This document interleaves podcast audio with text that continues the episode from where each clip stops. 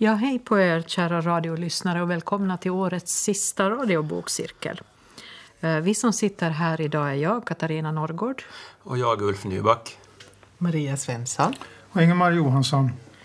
Och i den här eh, december radiobokcirkeln så ska vi prata om Ann-Louise Bertells roman Heyman som kom ut i år. Och jag tänkte börja med att presentera författaren och boken lite grann. Eh, uh, Ann-Louise Bertell så är född 1971 i Oravais, eller Orvas om man vet hur det ska sägas på riktigt. Uh, hon är skådespelare till utbildningen och har eh, bland annat jobbat fem år som chef för Vasa Teater 2010 till 2015. Och hon är bosatt i Vörå. Eh, det kan hända att hon är bosatt i Oravais för Vörå och Oravais är sammanslagna numera. Men så står det på Wikipedia i alla fall. Eh, hon gjorde debut, litterär debut med en diktsamling 1997. Den hette Rus av gul. Eh, sen kom det en diktsamling till 2002 som hette Hur jag blev en fluga och en novellsamling 2006, Tro, hopp och pizza. Eh, sen gav hon ut en, en barnantologi 2008 som heter Vem är rädd för? Och det var berättelser om varg. Eh, och en barnbok 2009 som heter Flyg, Godsa, flyg. Eh, sen kom det lite dramatik. 2010 gav hon ut Gustava, du drömmer. Och eh, 2011 kom England England med Ä. Men sen 2016 då gjorde hon romandebut med en bok som heter Vänd om min längtan som har omtalats som en Utvandrarna lite i, men en österbottnisk Utvandrarna. Och de har jämfört den med Lars Sunds Colorado Avenue.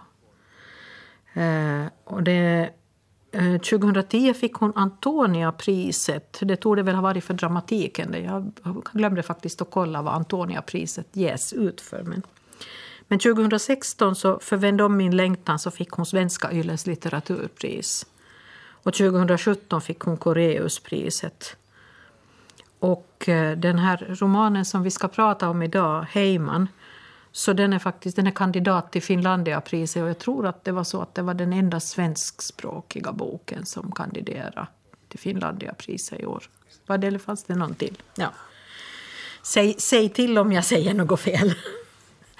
Men eh, då tror jag att vi sätter igång diskussionen lite här. Eh, jag konstatera när, när eh, vi pratade om den här boken senaste gång att vi skulle läsa den till nästa gång. Det, var lite så här funderingar. Den heter Heyman. Det känns lite som att inte den väl nu skriven på dialekt. så vad säger, vad säger ni gängen nu då? Jag tänkte på den där Lars Fulldéns Heim, den här diktsamlingen. Den var ju på dialekt. Också? Ja, men då tänkte jag Heim, Heyman. Ja. Mm kanske det blir en jobbig läsning det här nu då som man inte förstår någonting av. Det är en rad di dialekt tror jag. Vad sa du? Var det inte bara en rad dialekt tror jag? Nej, det är diktsamlingen Hej. Ja, men den här alltså boken? Jo. Nej, det här var ju på högsvenska. Mm. En rad dialekt. En rad? Vilken rad? Ja, det var någonstans i boken. Det dyker upp några dialektord här och där, det gör det ju. Men det är inte många. Nej. Men att, eh, ja, jag skulle säga att den är episk. Alltså den är ju bred, jättebred. Man kommer ju att tänka på Vilhelm Moberg, alltså, mm. som du säger. Den skildrar ju tre generationer nästan. Mm. Börjar på 30-talet och slutar på någon gång 90-talet. Ja, egentligen började den ju tidigare, ja. fast det är ju bara återblickar. Ja. Ja. Började lite med inbördeskriget och, ja. och slutar kanske mm. i, i, min egen barndom på något sätt. Ja, och det kretsar runt ett hemman, hejman, som är mm. hemman. Ett hus eller är det någonstans i Oravais? Ja, det, det är Komosan. Ja, det är ja. Oravais. Ja. En mm. liten utby. Jo. Mm. Och... Eh, ja, så det är ju, hon har ju valt den berättarstilen att det, det är brett och episkt och, episkt och, och kanske inte har tid att dröja kvar så mycket vid skeenden, vissa skeenden, utan hon går vidare ganska mycket. Så här. Den här boken tycker jag tar, den är ganska skoj att läsa för den är ganska tjock som uh, volym. Men sen när man öppnar boken och ska läsa så är det väldigt mycket tomma sidor. Liksom det, varje litet stycke, en liten scen på en och en halv sida. Och så är det en halv sida tomt. Jag tänkte mest på slutet, det blev lite bråttom där när Mattias föddes. För mitt i allt så står det en mening, alltså Mattias. Mm. Och, och, då hade de inte berättat om honom då. Nej. Att där kom det lite liksom så snabbt allt att det gick, väldigt, det gick väldigt fort där, den här 20 år ungefär. Jo, Pang. och där, där fick inte han så mycket presentation utan han bara liksom kom in som en bifigur där. Mm. Och, men det kretsar ju nog runt Elof, måste man väl säga. Det är nog han som är huvudpersonen. Som får det där hem, hemmanet efter sin pappa som, som dog då. Jag tycker det är intressant. Det finns, eh, om du talar om slutet som binder ihop början och slutet. Det finns två jag. Först så kastar pappan upp mig i famnen, en liten pojke. Eller flicka. Ja? Eller flicka. Nej, det är en liten pojke. Var det så? Ja, och i slutet så är, det, um, jaget en liten flicka. Mm. Mm. Och då funderar man ju, är det, ja, det här berättarjaget, men i övrigt så är det då det här uh, berättarjaget, allseende berättarjaget som ser de här jo, det olika figurerna. Berättar i tredje, tredje person av ja. allvetande mm. författare kan man väl säga. Jo. Mm. Sådär. Också ganska episkt. Mm. Så här grepp. Det är ett intressant grepp. Jo. Eller, det används ju ofta men, men jag tycker att hon lyckas ganska bra med det också. Mm. Att man, man får kanske inte alltid veta riktigt... de är, den är inte så allvetande den här berättarrösten egentligen. Men den tittar liksom in i de här människornas huvuden ibland också. Mm.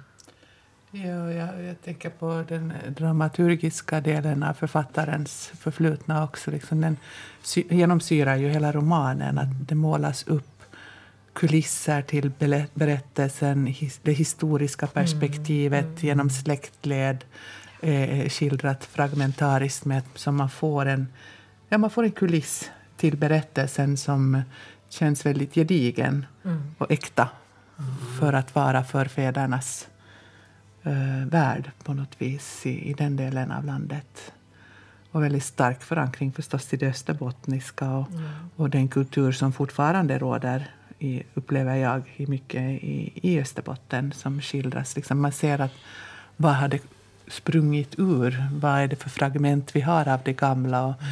Men sen tyckte jag det var väldigt skönt att just så som när man går på teater också att allting som sades var inte uttalat i den här romanen. Det här med, jag tänker på den här skuldkänslan mm. som Elof bar på mm. hela livet. Att hans lycka hade en liten tagg i sig på något vis.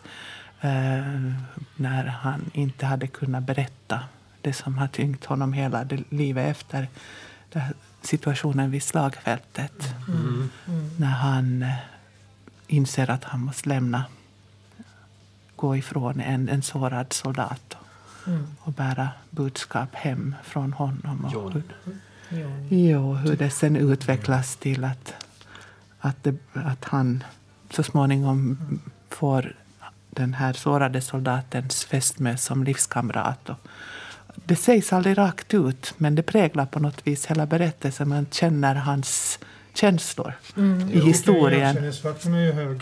Mm. När man eh, det är sånt där som man, ja, alla funderar på någon gång. Mm. Om en kraftigt sårad person ändå ska dö ska jag hellre skjuta personen istället för att låta honom plågas sista mm. tiderna. Mm. Och därmed ja, dödshjälp och sådana saker. Ja, eller rädda sig själv. Ja. Jo, den, den konflikten. Liksom. Tematiskt så finns det ju en hare på, på pärmbilden mm. till ja. den här. Ja. Och det här haren kommer tillbaks liksom som tema eh, mm. på många ställen och en hare som, mm. som man inte kan skjuta och, och inte klarar av att skjuta. Och, och sen också, jag tänker på tematiken harhjärta, att man mm. är liksom feg. Mm. Feghet. Kontra då att man ska våga. Mm. Och han var en feg person då, Elof, i sina egna ögon. I sina egna ögon. Men, eh, och då var inte omgivningen var inte så. Han, han kände sig liksom sådär svagare. Att mm. på något vis så det är hans feghet som, som går igen i den här boken. Mm. Lite sådär. Jag tycker det är intressant att läsa för att man skulle nästan på vilja läsa någonting eh, inledningsvis som man hittar här som hastigast i boken. Eh, där det börjar liksom med eh, Ruben, alltså Jelofs pappa, han, han ligger väl lite för döden och yrar och funderar på sin, sitt samvete och sådana saker.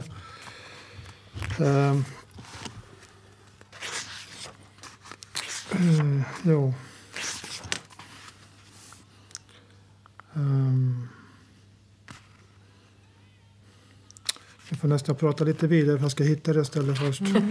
Ja. Jo, jag tänkte på det här, det här starka bandet till eh, en plats som har funnits i många generationer. Det förekommer ju i flera romaner. Mm. Och den här eh, självklara vissheten om att det är målet för Elof. Att återvända till gården Mm. och ta hand om den, även om det finns andra drömmar emellanåt. Ja. Men det är ju någonting som förekommer på många ställen på vår planet, att man har den här längtan efter att förvärva och, och uh, ha kontinuitet i familjen i att ta hand om en plats som har betytt mycket. Och den här kärleken till små detaljer i den miljö som finns runt omkring, som är bestående på något vis, som inte förändras när människor förändras och åldras och går bort, utan stenen står kvar där den har stått och Mm. åkern och ljuset och allt det här som skildras där runt det här hejmanet. Så det, det är sådana igenkänningsfaktorer som, som kommer fram i andra äh, vackra skildringar Utom- också utom av det här släktlivet. råstenen, råstenen flyttar de ju på. Den flyttar de. finns Det är en den är symbol för just viktig, ja. att den ska stå kvar. Ja. Men det här är också, jag tänker att eh, det här är kanske någonting vi håller på att mista i våra generationer också. Det här med det här kontinuiteten i att släkten följa släktens gång men att gården och platsen för, består i generationer på något vis. Vi är väldigt mobila idag. Det var det jag tänkte på det här med jaget i början och slutet. Det Ja. Fast det är en pojke och en flicka så, så, be, så är det liksom tidlöst, det är könlöst. Det är, liksom, Ja. det är jaget, det, det kan vara eh, det berättarjaget och kanske inte så, som man ska påstå, men det kan vara författare, det kan vara, det kan vara vem som helst. Och, och, och ehm, drag hos föregående generationer går, går igen i min egen, mitt eget liv och kanske i följande också. Mm. Nu ska jag läsa några rader här. Det samvetet och Rubens samvete. på Det är inte bara ett samvete, det är väl kanske också en, en, bara en plå, allmän plåga av att ha stått i den här situationen och som var och en kanske tänker när man ser på eh, när man ser på till exempel eh, okänd soldat och sådana saker. Eh, det är alltså en, eh, en avrättning här. Eh, Ruben ska skjuta just.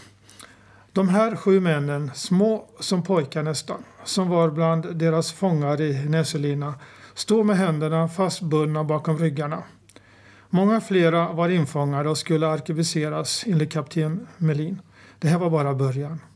Ruben andades och hjärtat bankade. Han försökte dra in luft i sina lungor för att lugna ner sitt hjärta och sin strupeslust att vråla rakt ut. Jag vill inte. Men han visste att då skulle de bara ställa honom som en till i raden. Han måste gå igenom detta nu. Han måste lugna ner sig. Han var soldat. Det var Finlands frihet det handlade om. Pojkarna var fiender. Men hur kunde de vara det? Han, den ljushåriga där till vänster, han som grät efter Eiti. Hur kunde han vara en fiende som måste dödas? Rubens knän skakade så att han tänkte att det hörs genom byxorna. Bara jag inte svimmar, bara jag inte pissar ner mig, bara jag kan sikta. Svetten rann under mössan, svetten fyllde hans ögon. Han skulle missa, han skulle bli till åtlöje, han skulle ställas i raden. Och så stönar Ruben i sin säng och så vidare. Ur Ann-Louise Bertells Heyman då. Det här är ju väldigt i början av boken och jag måste erkänna att jag höll på att sluta läsa när jag Precis. hade läst det där och tänkte jag vill inte. Och tänkte att jag Det var ska... tungt. Ja, ja. Jag har en farfar som har varit vid fronten som fältpräst och, och, och det blev så nära på något vis det där. Tänkte att, Och det här är ju alltså 1918. ja, Det, ja, jag tänkte också, nej, men, nej, nej, det här orkar jag inte läsa 300 sidor till. Mm. Men sen så började jag känna mig, lita på att författaren på något sätt skulle eh, driva det vidare och att, tänkte på mig att jag skulle orka läsa. Och jag kände mig trygg i boken sen. Eh, Elof en överlevare, en som alltid flyter upp.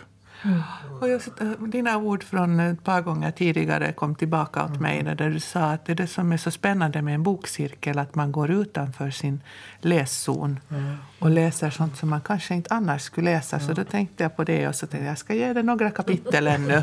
Men jag vet att jag sov dåligt den natten när jag stängde boken. Jag hade bara fått de där första sidorna läst. Tänkte nej, det här känner inte jag för att sätta min tid. Inte i dessa mörka tider som är råder i världen just nu. Jag tror nog att finska författare och finlandssvenska, alla som vill skriva ett epos, så, så liksom för att liksom ta ställning till mot Sverige och mot den svenska språkmajoriteten där så, så måste man berätta om kriget. Alltså det finns liksom någonting där som, som är så skilt från Sverige, att man har varit med i krig. Och sen att berätta, hur man berättar det, alltså hur hemskt det är och så där, det kommer nog fram i Okänd soldat till exempel, i Väinö Linna. Och, och varför inte? Alltså österbottningarna var med i kriget och de berättade om kriget och präglades av kriget. Då, då måste man ta upp sådana saker. Att allt som händer med så här detaljerat som att när de sköt en rysse eh, då tittade de han i ögonen och han bad dem ungefär om att, att skona mig men de förde ändå honom dit till arkebusering och, och de sköt honom. Det här var i vinterkriget och sen. Mm. Så det kommer tillbaks, den här krigstematiken. Men sen, sen plågas ju han och hans kompis, eh, alltså Elofs kompis, jag minns inte vad han hette nu. Viktor. Viktor, just det. Mm. Så av, den, av de här händelserna, de sover dåligt och alltid när de blir på fyllan så börjar de berätta krigsminnen för varandra och, och fruen, deras fruar står inte ut med det här och, och barnen vill knappast heller höra. Så det är någonting som, som är ganska typiskt igen för, för de som har varit med i krig. Mm. Ja, men tänker man i ett bredare perspektiv liksom att det sker fortfarande idag, arkebuseringar. Liksom, och det, mm. det, det, det, är så vidrigt att vara i en situation där man blir beordrad att döda andra. Och jag tror det är en, en skuld men man bär med sig hela livet. Det har många att skildra mm. efteråt. Och, och just det här Um, som du säger, va, hur löser man det? En del blir ju helt tysta, inte alls talar om det. En del dricker sig fulla och är brödrar i sorgen mm. efteråt. Men den här, det måste finnas någon slags ånger som många bär på att skulle det ändå inte ha gått att lösa på något annat vis. Att det, det känns fel att, att uh, organiserat avrätta för de flesta av oss. Mm. Men just hur det skildras också, det, det, kan ju berättas på så många olika sätt men det är ju så mycket mer än bara att vi har varit med i kriget i Finland. Det är ju liksom mm. krigets grymhet i hela världen som är så ful och blir så stark när det blir personifierad på det här viset. Jag var nära att ge upp.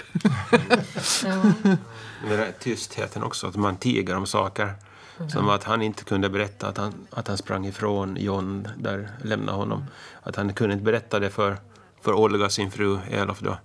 Fast eh, att de var kompisar, John och han. Men han kunde inte berätta vad han hade gjort med, för John. Och sen, och eh, hon visste inte om det och hon saknade den här John. Och, och sen när han gjorde det, tog mod till sig och berättade det här så då blev hon jätte så här besviken på honom. Mm. Att, att, det, hon jo, förstod fast inte. hon var ju inte bara besviken. Nej. För hon sa ju att, att, att det är klart att du måste. Mm. Att, annars skulle du också ha dött. Mm.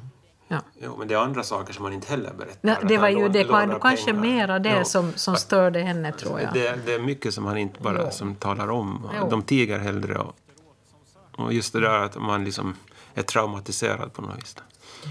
Jag tänker på det här faktiskt, för, för eh, jag har ju vuxit upp i de här trakterna och, och kommer ihåg... Gårdarna. Nej, det, jag tror den är lite smått fiktiv den där gården, men jag, jag har rört mig i de här trakterna. Eh, men, men eh, jag kommer ihåg från, från barndomen, så när, man, alltså när vi läste historia i skolan så försökte man kanske någon gång fråga ah, den här äldre generationens mor, mor och farföräldrar så här lite att hur var det under kriget? Men det stod ju inte så mycket i böckerna. Det var kanske det slätades över vissa små detaljer som att Finland var på Tysklands sida i det här fortsättningskriget och sånt. Som numera står i historieböckerna, men det gjorde nog inte riktigt det då. Eh, det låter som jag skulle vara hundra år gammal, det är jag inte. men, men eh, min farfar var vid fronten i, i fortsättningskriget och blev sårad. Han ville aldrig prata om kriget. Inte överhuvudtaget. Inte ett ord. Jo, vi visste varför han hade ont i foten alltid och alltid gick med yllesockor mitt i sommaren. Det var egentligen allt vi visste. Uh, sen fanns det de här i grannskapet som nog gärna pratade om kriget högt och ljudligt efter att de hade fått någon konjak till kaffe, men de hade då inte varit vid fronten. De som hade varit där, de ville inte prata om det. Ja, min farfar sa också att den bördan bär jag, den ska inte du bära. Precis. Men sen kom det spännande detaljer ibland som jag, jag kommer så starkt ihåg dem från mm. barndomen. När vi gick på så vinterväg i skogen, min farfar och jag, så kunde han säga Vet du att om man går fem meter från vägen bland träden så ser inte de man möter som kommer på vägen att man är där. Oh. Och när vi stod och frös någonstans och väntade på en buss så berättade han plötsligt att om det är riktigt kallt och du måste stå stilla, vet du hur man blir varm då? Och då öppnade han sig och sa när jag var på vakt vid fronten så tog jag av mig alla kläder när det var minus 25 och klädde på mig igen. För det kan man göra när man står stilla. Och då blir man varm. Oj. Och sådana saker också, som, som glimtar till. Och ärtsoppa, varm ärtsoppa. Vet du hur länge den mättar? Sådana små saker som man förstår. Att, visste att den dagen vi fick ärtsoppa så visste vi att vi somnade mätta. Att det, och hur mm. hårt det har varit. Liksom, att det, men just den bördan ska inte du behöva bära som inte var där. Och det, liksom, vi slutar det här, att vi, vi ger inte vidare det här mm. Sorgen och skulden och skammen liksom, konkret. Att jag tror att det var en skyddsmekanism för mm. kommande generationer.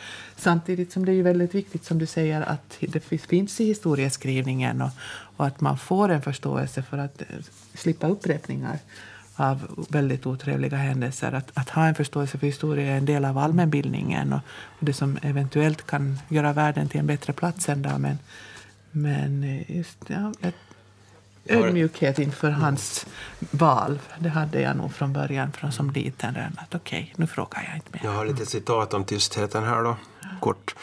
Elof såg John framför sina ögon, den sista bilden, den som för alltid etsat sig fast. Det gick nästan inte att blunda utan att se den bilden framför ögonen. Han måste alltid på något sätt lura sig själv för att ta sig förbi den, till sömnen, eller till närhet eller till vilket vanligt samtal som helst. Han var som fastkedjad vid John. Och, kunde, och inte kunde han berätta om det för någon endaste människa. Han var dömd att vara tyst. Dömd som Viktor som satt fast vid alla sina hundratals döda.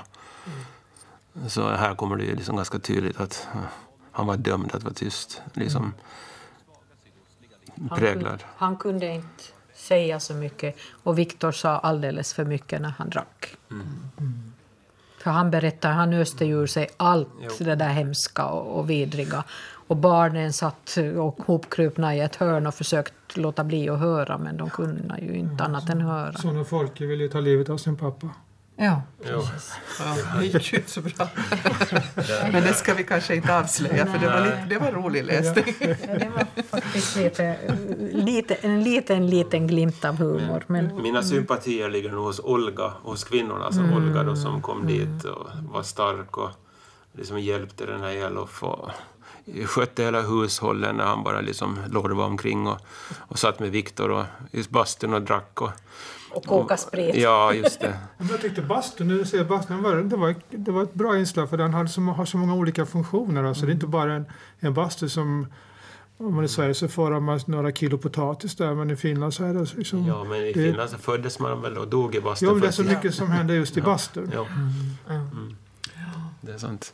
Ja, men jag tyckte också det var vackert den här skildringen när Olga Elof då kommer tillbaka till gården och hur de hugger i och tar bort stenar från åkrar och ogräs och små träd som växer och liksom gör eh, jorden brukbar igen mm. och skurar ur och Riktigt fixar. Ja, det var, liksom, det var sån god kraft som ja. hon hade med sig och gav till honom mm. också i den där relationen. Hon fick fart på honom. Ja. För han var ju nog någonting av en lorv, ja. hela Elof. Han var lite sådär, ja, ja, bra på att prata, bra på att skryta, men mm. kanske inte så mycket på att göra. Nej. Han hade ju sitt mandomsprov där han skulle slakta ett, ett får. Ja, ja.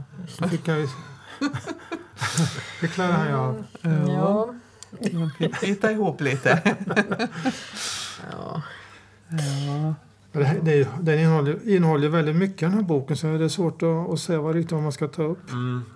Jag, jag tycker den är ganska så här traditionell på något sätt. Ja. Och lite rom, romantisk också. Alltså de här naturskildringarna som kommer och de här björkarna som susar. Och Det är mycket sånt här som miljön runt det där torpet eller huset eller he- hemmanet. Och de, hon väver in liksom naturskildringar hela tiden. Och det blir liksom sådär, ja det blir romantiskt. Tycker Lite. Lilla huset på prärien, fast Lilla Ja. huset på Österbottniska slätten. Det är realistiskt på något vis och romantiskt. Det är som- Men jag- det jag fastnar för när jag ska titta på, ja, om jag ska föreslå någon musik här, vad ska jag, finns det någonting i boken? Jag tror inte det finns ett enda musikstycke angivet. Men det finns ett ställe där de, de dansar, ställer till dans alltså under mm. den här mörkläggningstiden. Då- Dans.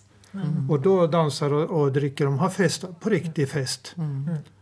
Och så funderade jag, vad, vad hade man för musik då på slutet på 30, början på 40-talet? Och då kom, hamnade jag i Säckenjärven polka. Men det fanns inte någon gång nämnt någon musik Nej, alls i den här ingen boken. musik nämnd alls. Det, det, tyckte jag, det, det brukar ofta komma någonting Ja, i de här böckerna vi läser. radio, men-. Jag skulle gissa på någon ensam spelman som spelar upp till dans. Jo, det var jo, någon med dragspel och fiol. Eller. Just det, där var både och just det. Multikonstnär. Om man, om man tänker på Trito, Tritonus då, som var full med musik Det som vi pratade om förut. Så Jo, här fanns det ingenting. Nej, Ja, men jag tänkte för den tiden, vad som var typiskt då. Så jag vet att min mormor reste runt som Marta-konsulent i, i svensk Finland och då hade hon fiolen med.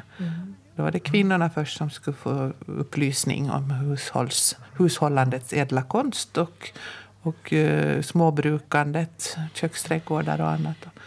Och sen på kvällen fick herrarna komma med och då spelade hon upp till dans på fiolen. Så, så det fanns sådana traditioner också i Österbotten. Då.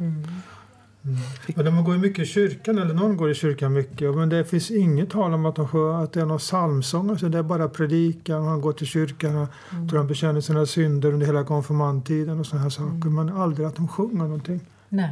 Nej, nej, det förekommer faktiskt inte. Jo, i- precis i slutet, Ja. så begravningen så, så nämner de i förbifarten. Ja, det är väl enda musikstycke som nämns överhuvudtaget. Men den är inte lite typisk för hela boken. Den är liksom ganska karg i sin utformning. Det är inte så mycket krusiduller och spetsar och fina klänningar. Det Nej. glimtar till någonstans. Men det, Mycket religiösa grubblerier och Bibeln och det är kanske också lite typiskt Österbotten att, att det kommer det här. Men tidsandan tror jag i det där Ja. fallet. Men att, vi ska inte tala, tala om bibelbälte då inte? Nej. Alltså, nej. nej. Okej. Ja. Nåja. Mm. Jo. Nej, men jag, jag skulle säga att ställen. ja, det finns.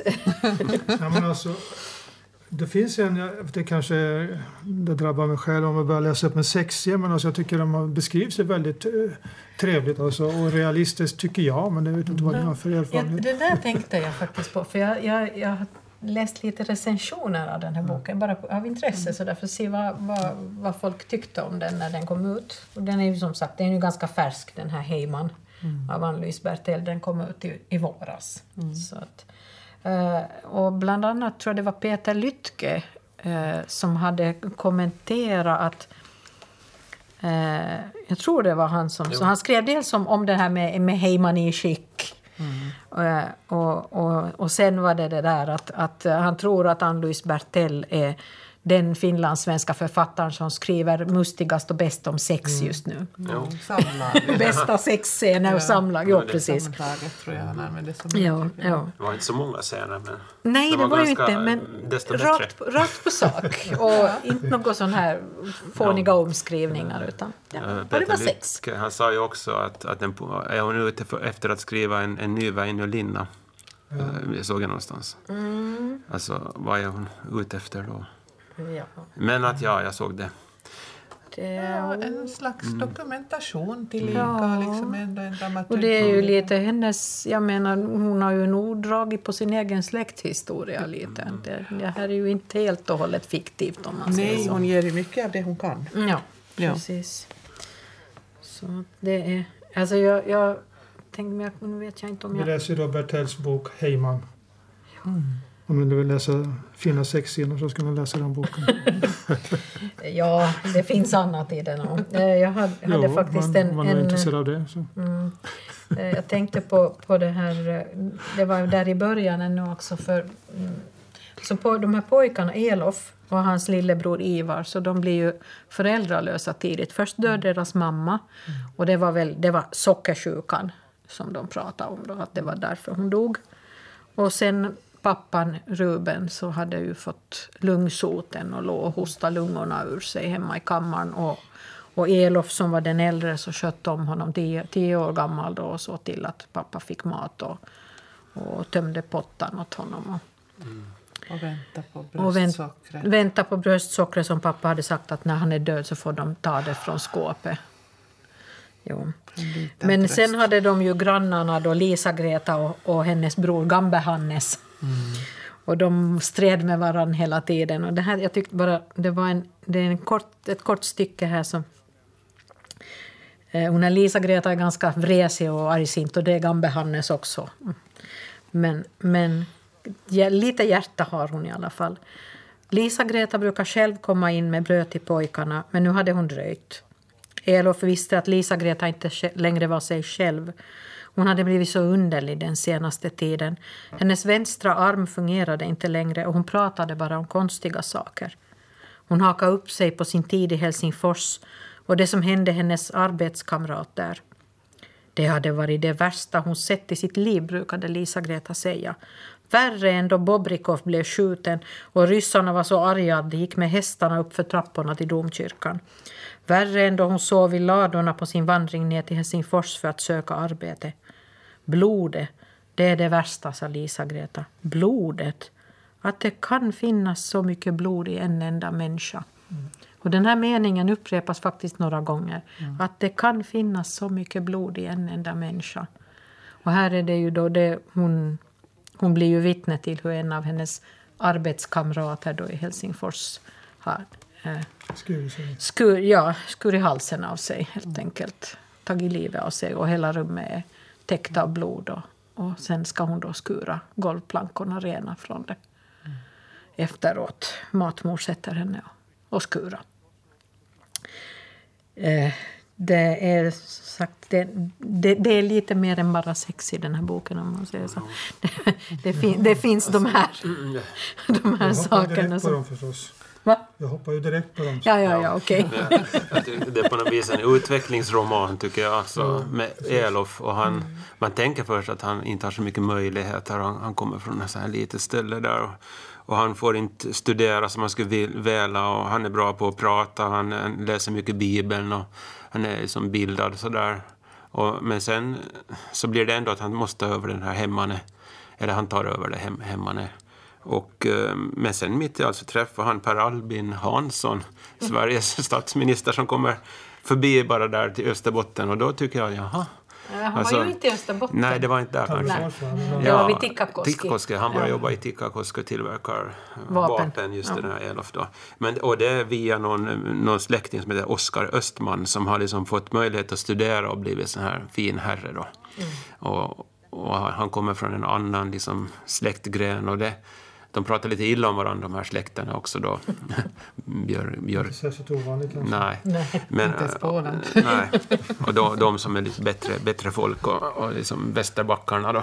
Och sen var det de här björk... Per. Albin kom dit för att han skulle sondera terrängen för att köpa vapen. Måste det vara. Jo, och sen då Det ändå så, ändå så tycker så har Elof en sån här liksom ganska negativ bild av den här Per, per Albin Hansson. För han kan liksom, jag kan läsa här då att Elof stirrade och stirrade på Per Albin Hansson. Han märkte att han satt med munnen öppen och noggrant följde med den senaste köttbiten som Per Albin hade fått i sin mun. Den var ganska seg och Per Albin tuggade länge och väl men talade samtidigt ur ena mungipan. Elof ansträngde sig allt vad han kunde för att göra och äta rätt medan den högsta gästen inte brydde sig överhuvudtaget. Han liksom eh, spiller mat på sig. Och, Det rinner ut uh, lingonsylt och sås på skjortan. så. Ja, det var väl så att, att eh, Per Albin Hansson blev ganska full. Och det var därför han var, inte kanske tänkte så mycket på bordskicket heller. Men, men eh, Elof var inte så imponerad Men där kommer det liksom den här delningen mellan de här bröderna då, att Elof han, han liksom håller på den här vita sidan och liksom den här bondesläkttraditionerna. Medan Ivar, hans bror, då, blir sån här röd. Eller, Och röd. eller i Kiruna på LKAB. Ja, och sympatiserar med arbetarna. Och där blir det en splittring på sätt och vis, fast de kan acceptera varandra förstås. Ja. Ja, men sen den här glimten av liksom välbehag hos Elof när han inser att han har talets gåva och blir inkluderad i vissa kretsar där just hos den här bättre ställda släktingen och får uppleva de här sakerna. Det, ger, det skapar ju också den här lilla sorgen i honom att det här är en värld som sen inte blir hans. Mm. Fast han hade det här talets gåva och kunde... Han skulle ha velat bli någonting mer. Ja. Och sen hoppar det över till hans barn Sten, som, som liksom efter honom, kommer efter honom. Och, och han... Hur var det med honom? Fick han studera någonting eller var det så att han skulle fortsätta? Nej. Han ville nog... eh, han, han sökte till LKAB men pappa Elof uh, använde sin, eh, sin moraliska, sin, eh, sin, psyk, sin psykiska styrka över sin son och säga att det får du inte göra. Mm. Så tror jag det var. Ja, ja. Så han slängde, eldade upp sin ansökan. Ja, just det. Så var det. Men Sten var däremot modig av sig och kunde skjuta harar och sånt. Ja. Som inte pappan kunde. Så att han var en annan typ då. Man sköt ju bara två av tre. Ja, det är så. Ja, den tredje Det klarade finns sig. lite alla den möjliga tredje olika... fick ju se sen. Eh, Ja. kom vi på besök igen när han vid något tillfälle i skogen. Det finns alla möjliga harar. Det finns sådana här drömharar som inte finns på riktigt och så finns det riktiga harar. Ja, De- den de kommer bär bud om någonting i den här Jo. boken. Ja, det känns lite så faktiskt. Och som sagt, den här pärmbilden med haren, den, den är suggestiv, får man nog säga. Ja, och, och jakten och makten liksom, i de manliga sfärerna liksom, hänger ju starkt ihop också i dessa bottniska traditionerna. Alltså, som här, att det är ju en symbol för att man är med männen. Du, är- du är inte mycket till karl om inte du klarar av att skjuta.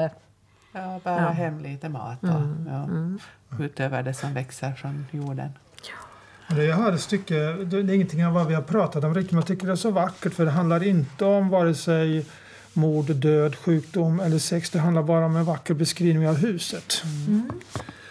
Ehm, också i början på boken, i den här boken är Heyman av Ann-Louise Bertel. Eh, Elof och Ivar. Elof är tio år och Ivar är fyra år. Och båda föräldrarna är döda. Och de ska överleva det här då. Far låg i kistan i rian i väntan på begravningen. Det var mycket tyst. Så kommer det här. Elof gick runt i huset och tittade ut genom alla fönstren. Han låtsades att han var själva huset som såg ut över världen, att alla fönstren var hans ögon. Han var uppe på vinden, på kallvinden, bland alla lumporna och sådant som hade blivit kvar efter släktingar som rest iväg. Nästan alla hade rest iväg någon gång, till Amerika, till Sverige, till Helsingfors, till döden. Ibland kom de hem, som Lisa-Greta och Gambi-Hannes, hem med sina liv i bagaget.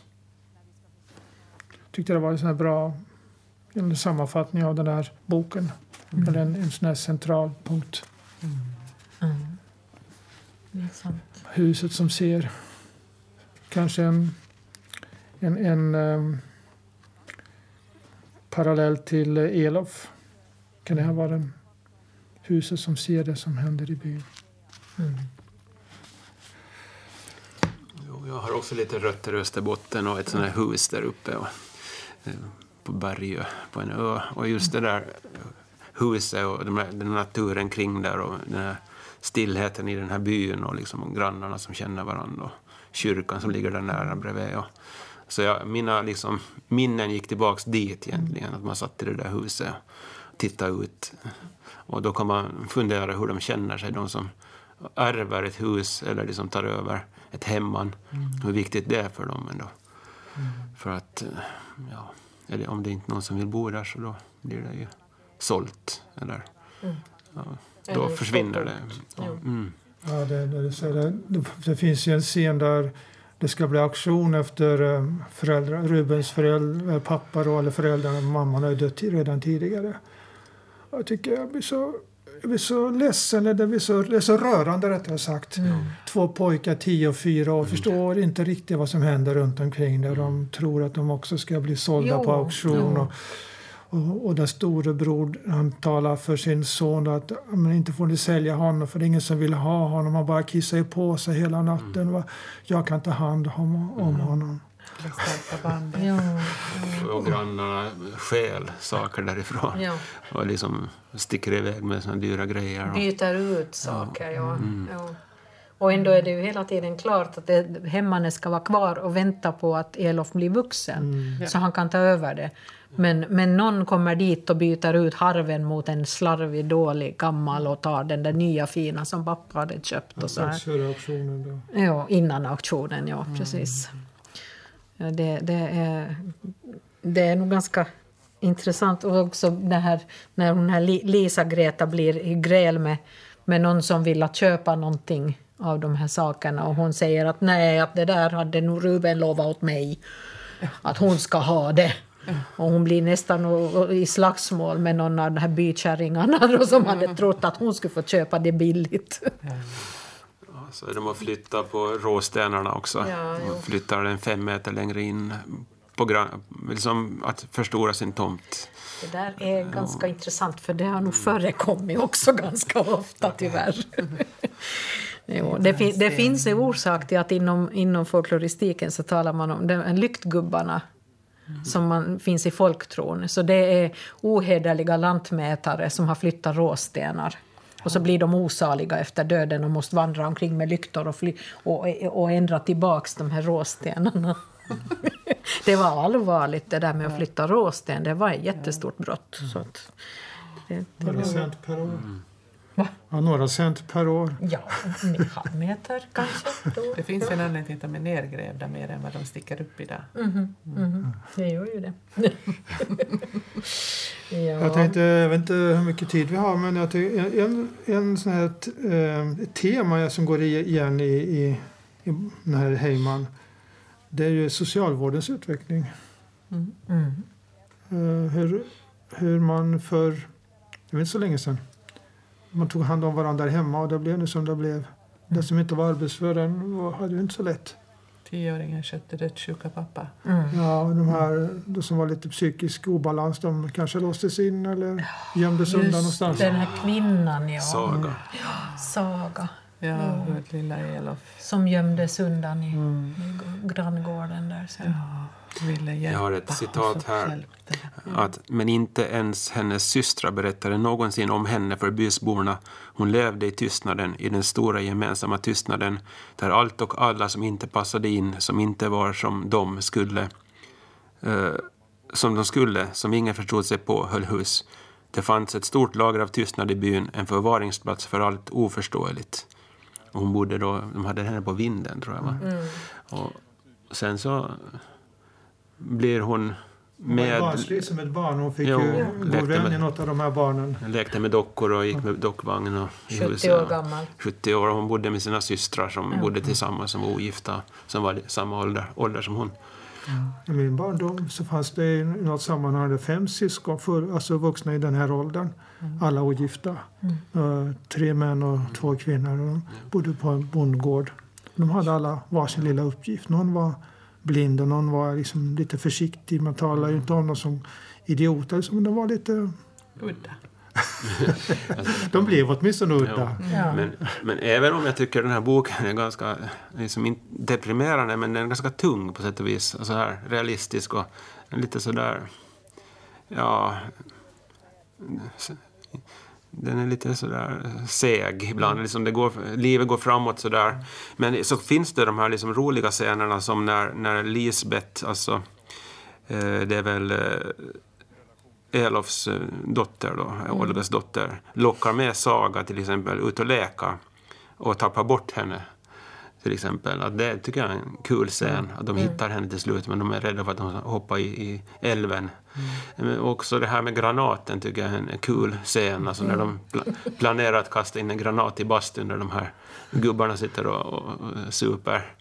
Att, att, det är verkligen så här, kommer från hjärtat det där att, att nu, nu ska pappa få sig här.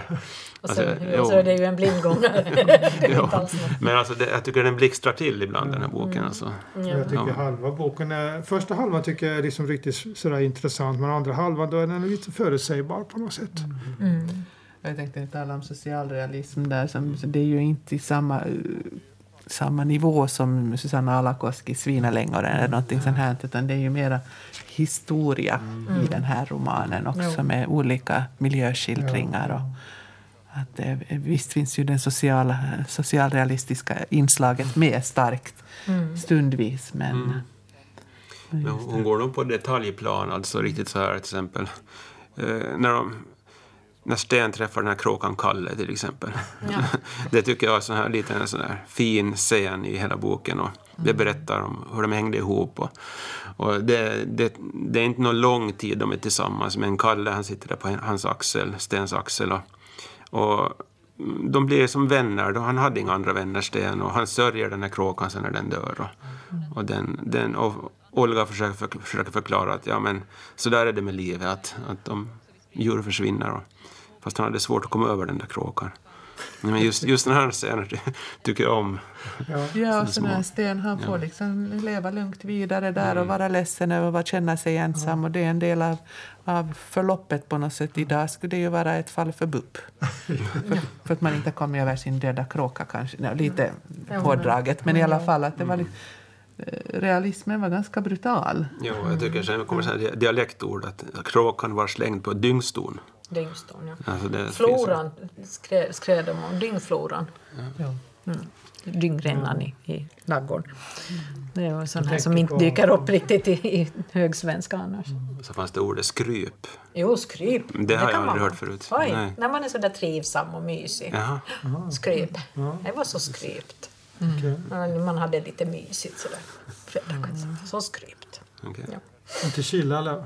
Det är som chilla? Nej, nej, nej. Utan det är sådär Gemytligt. gemytligt, trivsamt sådär. Ja. Eh, Det finns, mm, jag tänker tala om vi, den här utvecklings, som ses som utvecklingsroman, Finlands utveckling. Kan vara början på 60-talet. Det här, de här två grannarna, då, Elof och heter han Viktor. Viktor, ja. Ja, de köper varsin traktor. Läste jag, den, ena traktorn det är en Fordson Dexta tror jag heter och den andra köper då en Ferguson. Det är liksom upp, upplagt för att diskutera i generationer framåt vilket som är den bästa. Den diskussionen är väl inte klar än. Var det, var det så att de inte kunde köpa Valmet? Ja, det där med bil var ju också en stor grej. Ja. Någon som skaffade en bil. Och, jag minns inte. Jag kommer osökt att tänka på första da, äh, dagstidningen jag läste för 19 år sedan när jag flyttade till Åland. Det stod en kontaktannons. Man söker äh, kvinnlig vän. Svar till detta blads kontor. Märk egen traktor. Tänkte jag, var har jag hamnat? Vill han ha en till? Jag, tänkte, jag, jag vill bara ha ett kort stycke som jag skulle vilja läsa. För det var den där haren och de där hararna som dyker upp överallt. Så den här är riktigt i slutet. Elof såg förtvivlat på haren. Den svängde huvudet av och an, men ögonen var stilla.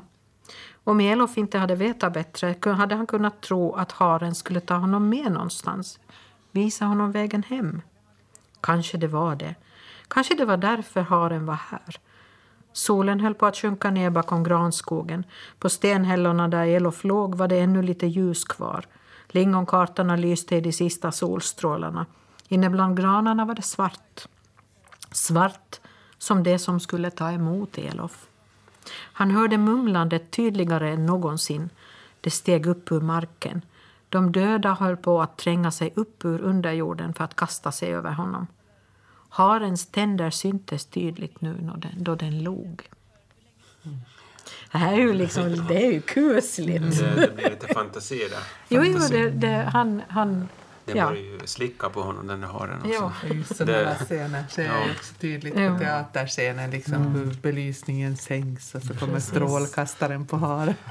Att just det här scenografiska skildringskonsten som hon ju behärskar väldigt elegant. Jag tycker hon har fångat det där med djuren rätt bra. Så jag tycker nog en egen erfarenhet är att djuren känner och ser saker som, som jag inte riktigt som människa ser och förstår. De har ett, något sinne som, som på något sätt är, är starkare än, än vi människor. Mm. När, när döden kommer så kommer djuren med. Jo. De, de känner på sig. Så, så läser jag in det. Det är ju förstås jag som läser men det, det, det känns så. Fåglarna pickar på fönstret och älgarna kommer fram i trädgården. Och sånt där. Kråkan Ja. ger vänskap. Ja. För mig så är det nog det där med harhjärta när han flydde från John. Då, då är han själv en hare. Och så var det haren som hälsade på honom så han, han, han lierar sig med haren. Alltså. Det är på något sätt, de är ett par. Och sen, men sen kommer liksom de andra som skjuter de här djuren. Att de liksom har inga, inga det, den, det förhållningssättet. Att det liksom blir så här två motpoler på något vis. Feghet och, och sen sån här re, krass realism. Liksom. Överlevnad. Vad säger ni två som har då väldigt stark förankring i Österbotten sen tidigare? Känns det som en genuint österbottnisk roman det här? Jo. Mm, jag har inte så starka förankringar men jag tycker nog jo, att det...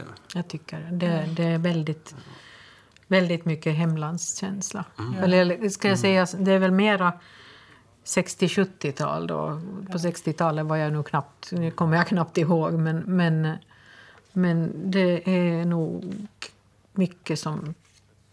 Ja, det, ring, det, det ringer klockor av igenkännanden och det gör det. Så Stens syster, vad hon hette, Lissa, något sånt där. Hon, Lisbeth. Lisbeth heter hon så. Hon var född 54, vi är födda samma år, alltså i romanens Lisbeth. Lisbeth och, och, Ja.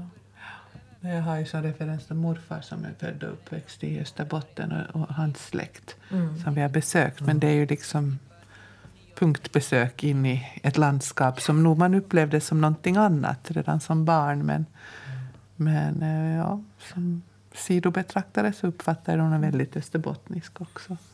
Den är väldigt annorlunda. Jag har ju läst hennes förra roman, den här Vänd om min längtan, som ju är en utvandrarroman. handlar om USA det mestadels. var också en ganska dramatisk början. Jo, och den, jag tyckte att den var väldigt vacker men där kunde jag ju inte på samma sätt liksom så här identifiera. Eh, Men det här landskapet är, är väldigt, väldigt välbekant. Jag kommer nog att rekommendera den här boken för de som frågar. Men man behöver ta sig förbi den där arkebuseringsscenen i början med, med det i tankarna att det är inte lika illa hela vägen. Ja, ursäkta.